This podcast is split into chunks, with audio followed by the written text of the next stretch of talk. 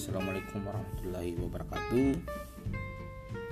Hari ini kita masuki materi kedua untuk mata kuliah psikologi umum 2 Yang akan kita bahas kali ini adalah emosi, stres, dan kesehatan.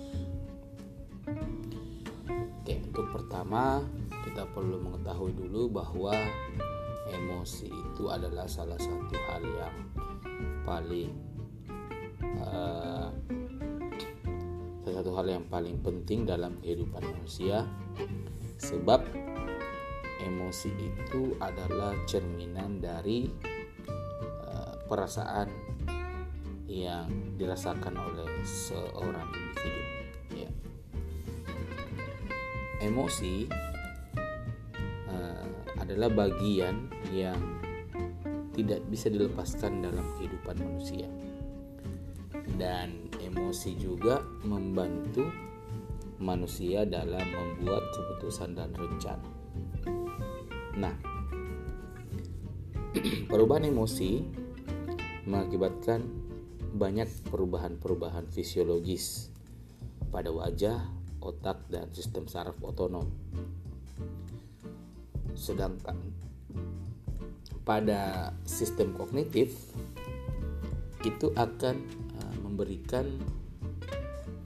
penilaian serta interpretasi yang berbeda-beda sesuai dengan situasi emosional yang dihadapi ketika menghadapi objek tertentu atau menghadapi uh, stimulus tertentu. Sedangkan kecenderungan seseorang ketika melakukan tindakan uh, ketika merasakan perasaan-perasaan tertentu uh, lalu itu dipengaruhi oleh adanya budaya dan peraturan-peraturan ya. Contohnya seperti ketika kita pengalaman tentang polisi umpamanya. Bagi orang-orang yang mungkin tidak pernah kena tilang maka uh, bisa saja dia mempersepsikan polisi di jalan raya itu uh, tidak menimbulkan kecemasan. Tetapi karena adanya pengalaman tentang di tentang uh, terkena tilang maka itu bisa saja akan sangat uh, menimbulkan perasaan cemas ketika melihat polisi yang melakukan pemeriksaan atau ya sekedar berdiri di pinggir jalan. Nah, dalam beberapa budaya yang berbeda-beda terdapat ekspresi emosi yang dianggap memiliki bentuk yang sama. Contohnya itu marah, bahagia, kecewa, dan sedih. Nah, itu menurut riset empat empat uh, ekspresi emosi tersebut adalah hal yang uh, ditunjukkan sama oleh berbagai macam kebudayaan di dunia.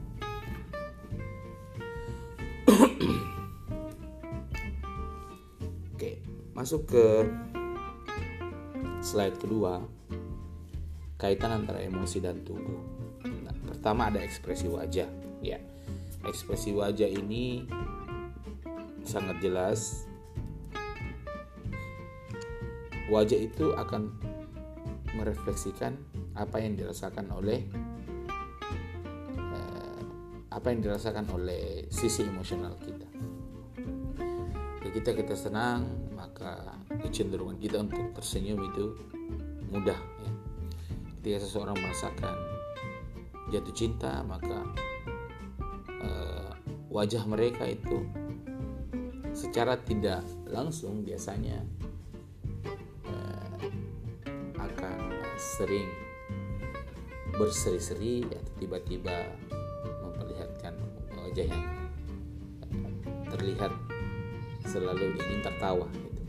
Nah, begitu pula sebaliknya ketika ada situasi yang tidak menyenangkan akan tergambar dalam wajah manusia bahwa wajah seseorang bahwa dia sedang tidak berada dalam situasi yang menyenangkan.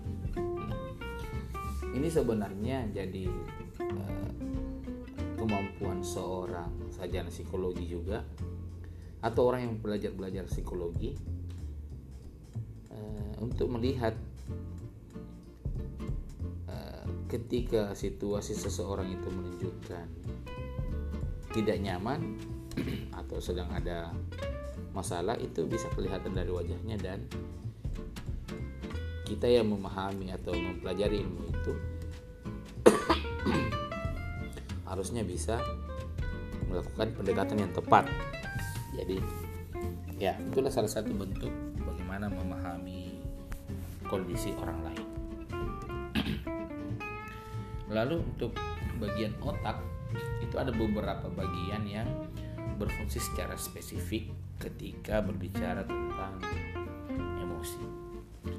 Pertama adalah amigdala.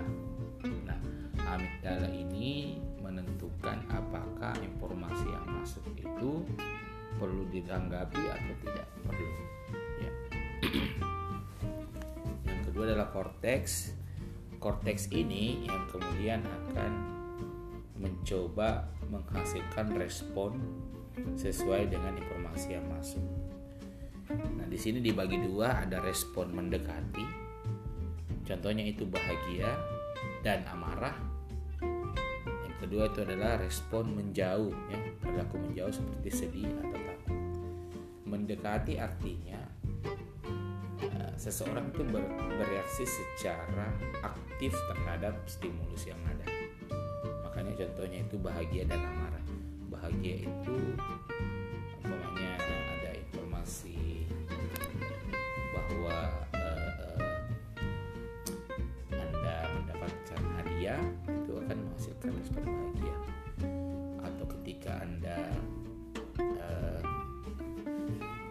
mendapatkan uh, perlakuan yang tidak menyenangkan, Anda bisa memberikan respon mendekati sumber informasi itu dengan amarah gitu. Jadi marah itu juga termasuk salah satu respon yang sifatnya mendekati. Nah, sedangkan menjauh, menjauh itu artinya kita merespon lebih uh, pasif. Merespon secara pasif itu menunjukkan bahwa kita sebagai pemberi respon itu cenderung tidak bisa mengeluarkan tidak memberikan tidak memberikan respon balik terhadap stimulus yang muncul contohnya ketika kita sedih nah itu hanya berfokus kepada bagaimana menghasilkan atau bagaimana uh, menunjukkan rasa tersebut. Seperti juga takut ya, takut itu artinya kita lebih uh, berusaha untuk melindungi diri sendiri. Berikutnya ada neuron cermin. Nah, neuron cermin ini uh, adalah bagian yang bekerja ketika kita berusaha memahami kondisi orang lain dan memberikan uh, kondisi orang lain dan memberikan uh, tanggapan atas kondisi orang lain tersebut. Situasi inilah yang disebut dengan ya, empati.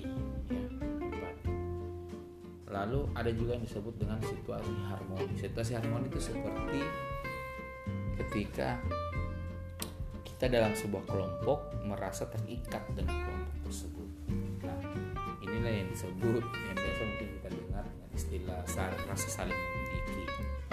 Nah itu yang bekerja itu adalah uh, neuron cermin. Lalu ada juga sistem saraf otonom ya.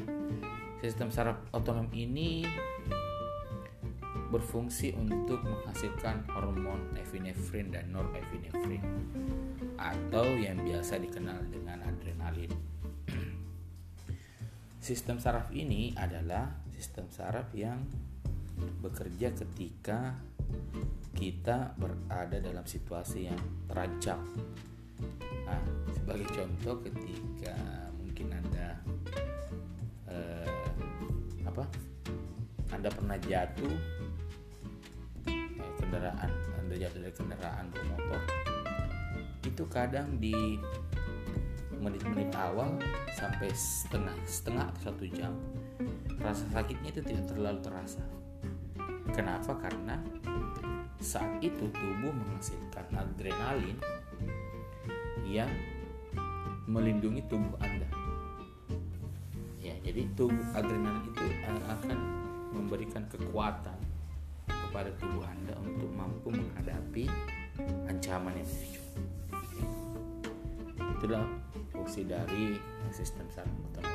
Nanti ketika uh, mulai tubuh mulai merasa lebih uh, aman, uh, adrenalinnya berkurang, kemudian muncullah rasa sakit. Itu, rasa sakit itu yang sebenarnya terjadi ke tubuh Anda. Lalu ada beberapa hal yang mungkin teman-teman perlu tahu contoh alat deteksi kebohongan ya itu dibuat dan sering digunakan oleh oleh badan-badan pemerintah uh, untuk mendeteksi kebohongan ya.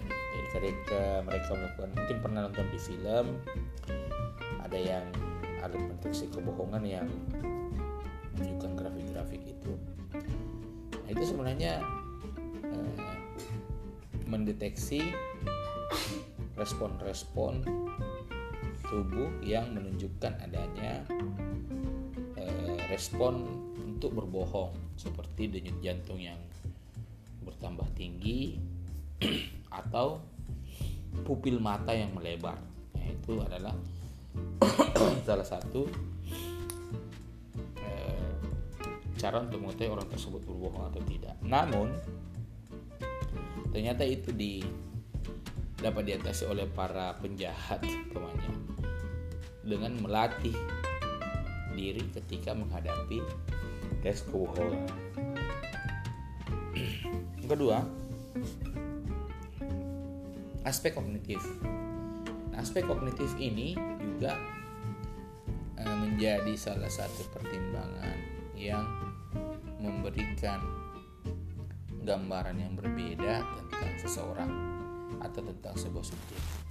Contohnya, eh, mungkin ada sebuah, namanya begini. Uh,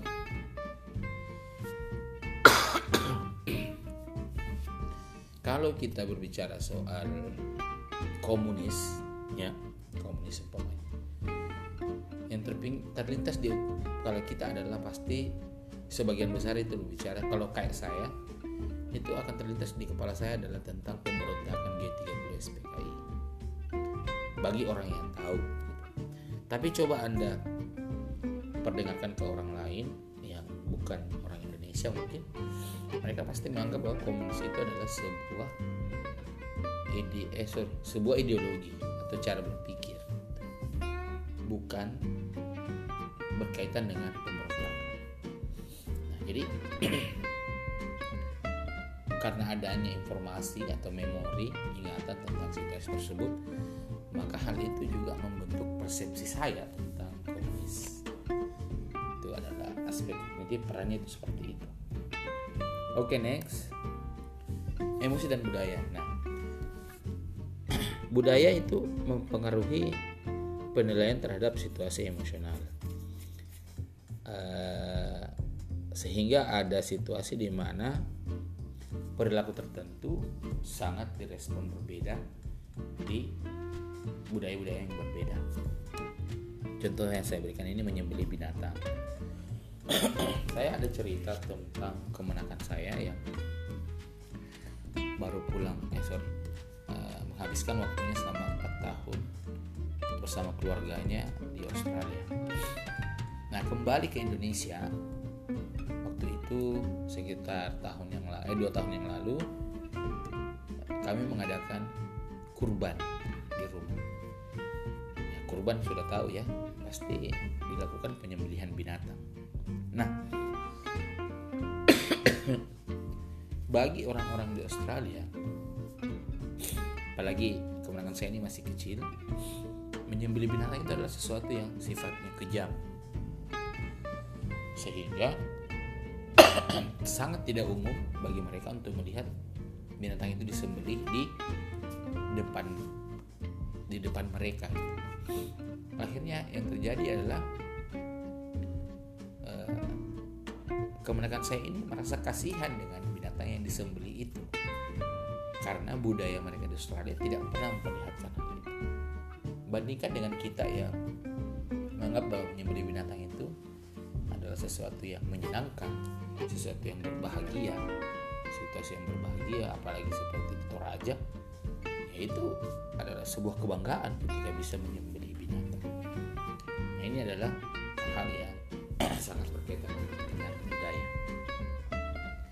Budaya juga mengatur penampilan seseorang sesuai dengan bahasa tubuh yang ingin ditampilkan.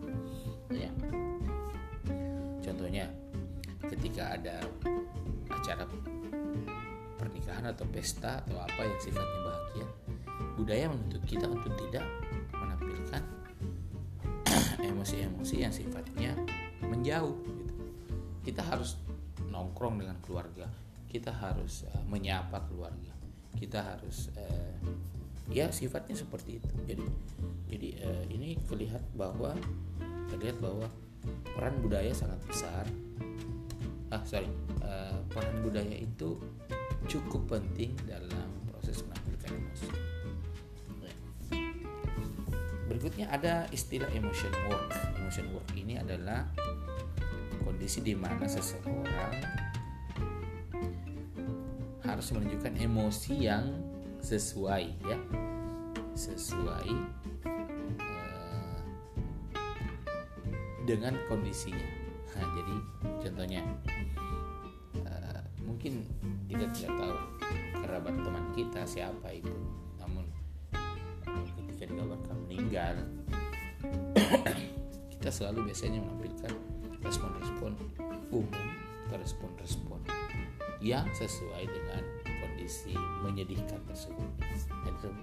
Jadi yang bekerja ketika itu adalah bukan bukan uh, emosional ya situasi yang muncul dari hati kita, tapi kita harus memunculkan situasi tersebut. Kita harus memunculkan respon emosi tersebut. Nah, itu namanya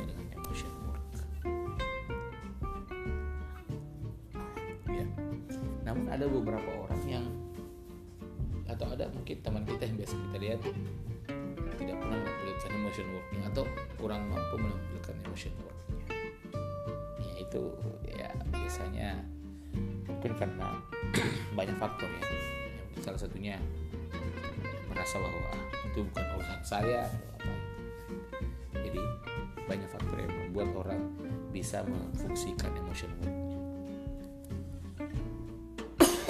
berikutnya sifat stres. Stres apa yang anda bayangkan tentang stres? Ya pasti situasi yang tidak menyenangkan. Keringat dingin terus uh, tiba-tiba nafas anda sesak gitu. Uh, hmm, apa? Uh, fokus fokus anda hilang gitu. kemudian ya uh, apa? Uh, uh, kalau umpamanya ujian itu semua hafalan di lupakan semua pengetahuan kita menjadi ya istilahnya kita jadi blank. Nah apa sih sebenarnya stres stres adalah respon terhadap respon terhadap kondisi yang mengancam tubuh ya.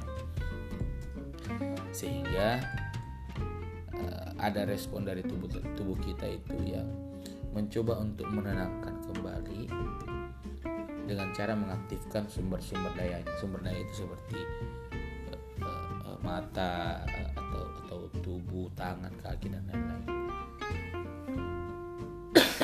Nah terus fase stres itu ada tiga. Pertama fase peringatan di mana hmm, tubuh menggerakkan saraf-saraf parasimpatik eh, yang menghasilkan hormon adrenalin ya. Yang saya berikan contoh ini kasus anda biasanya diburu.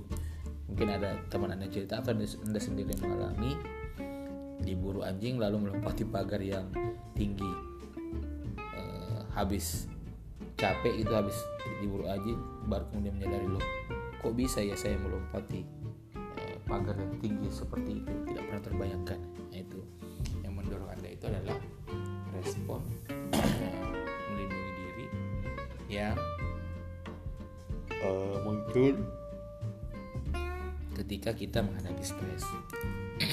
Berikutnya adalah fase penolakan. Fase penolakan ini Situasi di mana kita ingin me, me, mengabaikan stres yang muncul.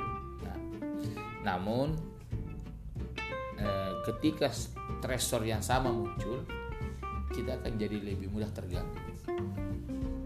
Contohnya mungkin ada pernah orang yang bermasalah dengan uh, apa ya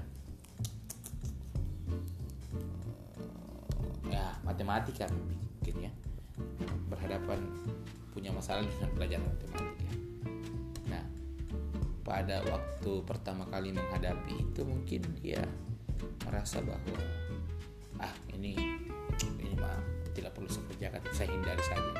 Nah di situasi berikutnya berhadapan lagi dengan pelajaran matematika nah yang terjadi adalah dia menjadi stres.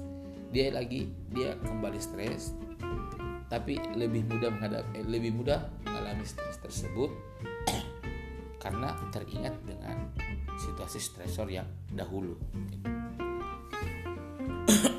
berikutnya adalah fase kelelahan ya fase kelelahan adalah situasi di mana stres yang berkelanjutan itu uh, membuat tubuh berada pada situasi yang rentan. Nah ini yang biasa disebut dengan menurunnya imun tubuh. Stres yang terus menerus terjadi bisa mengakibatkan tubuh merespon untuk mengatasi stres.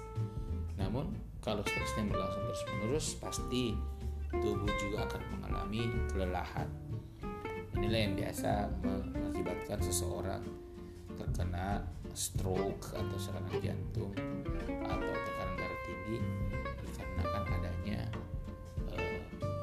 situasi salah satu penyebabnya adalah situasi stres yang berlangsung secara kronis terus menerus.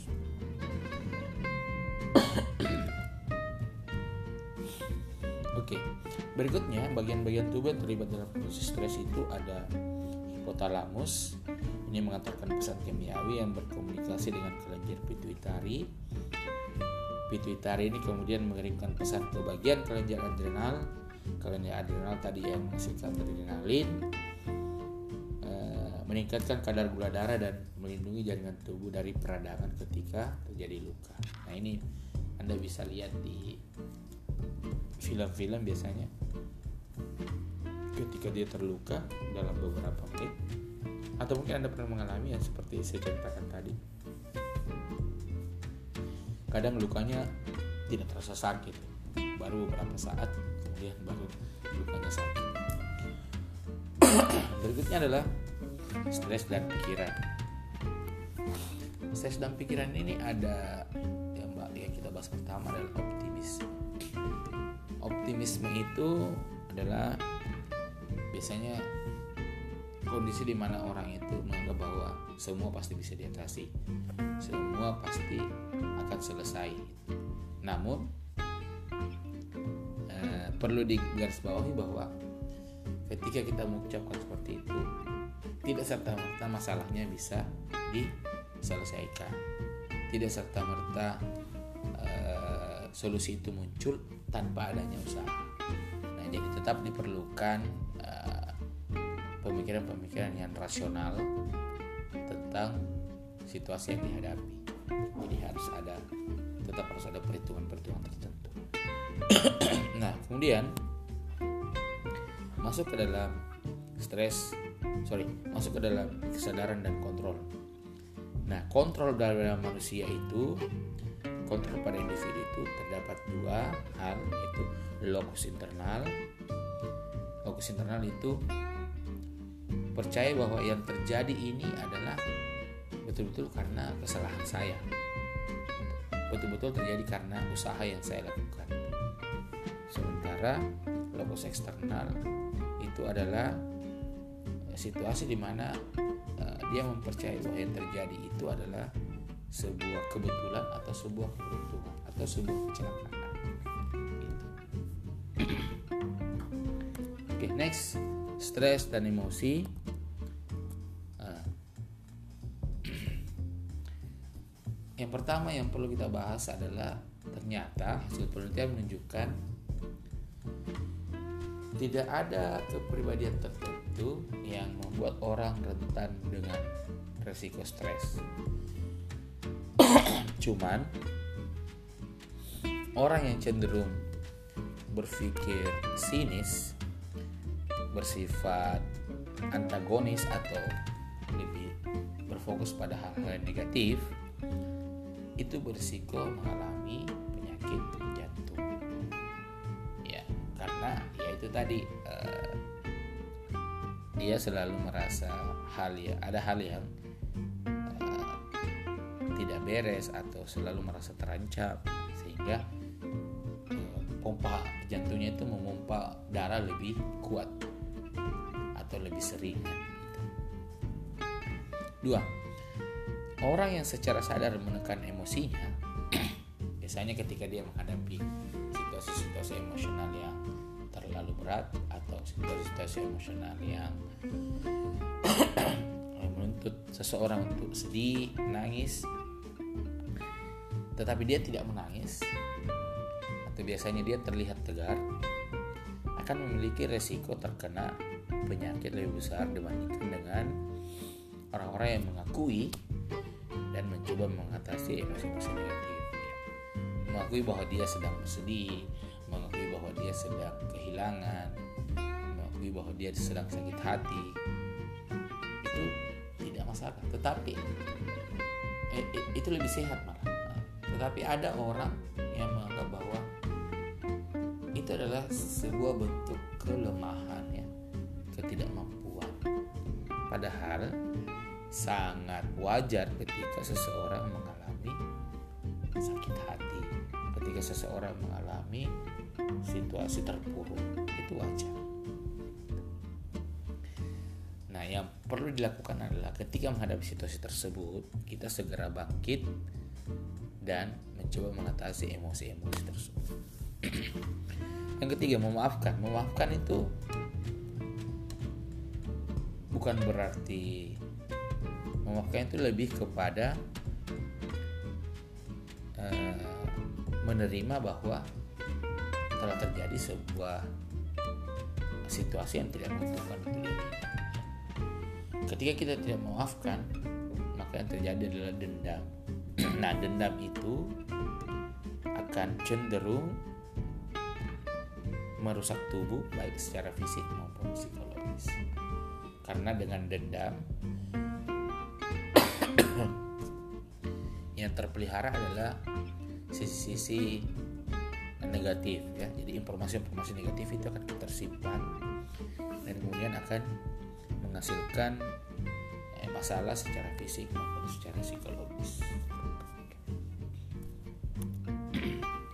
Ya, bagian terakhir adalah bagaimana sebenarnya cara mengatasi stres. Nah, ada beberapa hal yang mungkin secara singkat saya sampaikan tentang eh, langkah-langkah untuk mengatasi stres.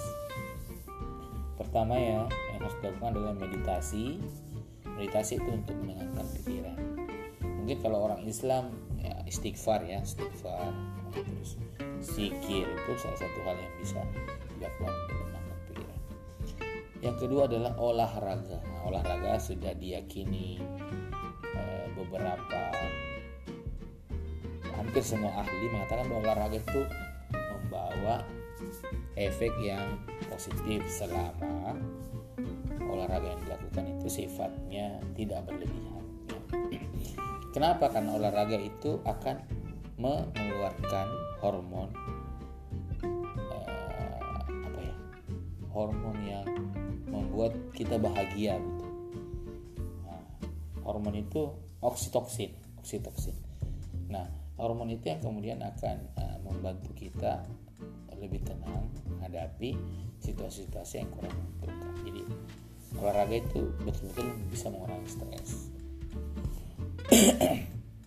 Ketiga, gunakanlah pendekatan penyelesaian ke eh, langsung fokus kepada masalahnya atau problem fokus coping.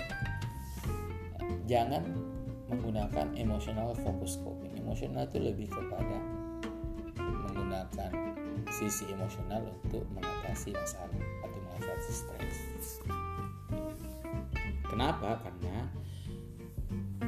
kalau kita lebih fokus ke masalahnya, maka eh, solusi akan segera ditemukan.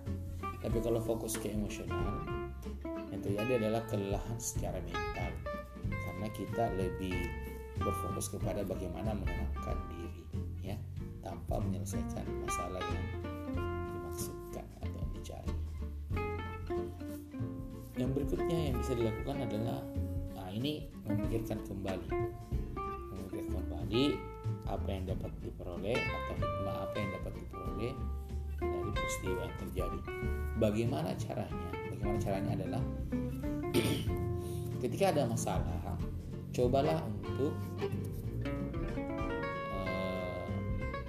melihat masalah itu dari berbagai macam perspektif atau dari berbagai macam pandangan.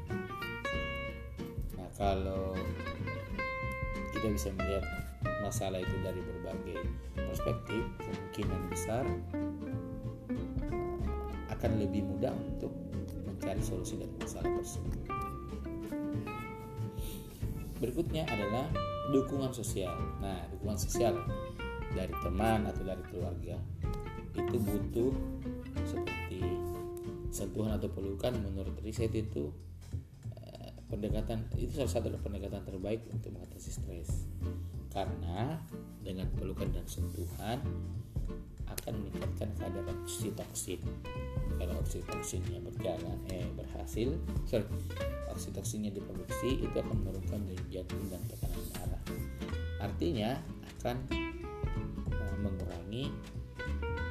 stres. Ya nah eh, kesimpulan dari pembahasan hari ini adalah ingat bahwa emosi stres emosi dan stres itu dan kesehatan itu sangat berkaitan erat uh, dan hasil uh, riset menunjukkan bahwa 70% penyakit yang diderita oleh manusia itu diakibatkan karena kondisi kesehatan mental yang kurang baik. Jadi kesehatan mental menjadi salah satu hal yang sangat penting untuk kita pahami. Apalagi kita semua ini adalah mahasiswa-mahasiswa eh, atau orang-orang yang belajar tentang ilmu kejiwaan. Saya kira itu saja yang bisa saya sampaikan untuk teman hari ini. Jangan lupa tugasnya untuk membuat video tentang uh, stres uh, tentang bagian ini yaitu stres, emosi stres dan kesehatan. Terima kasih atas perhatiannya. Saya ucapkan bila itu hidayah. Wassalamualaikum warahmatullahi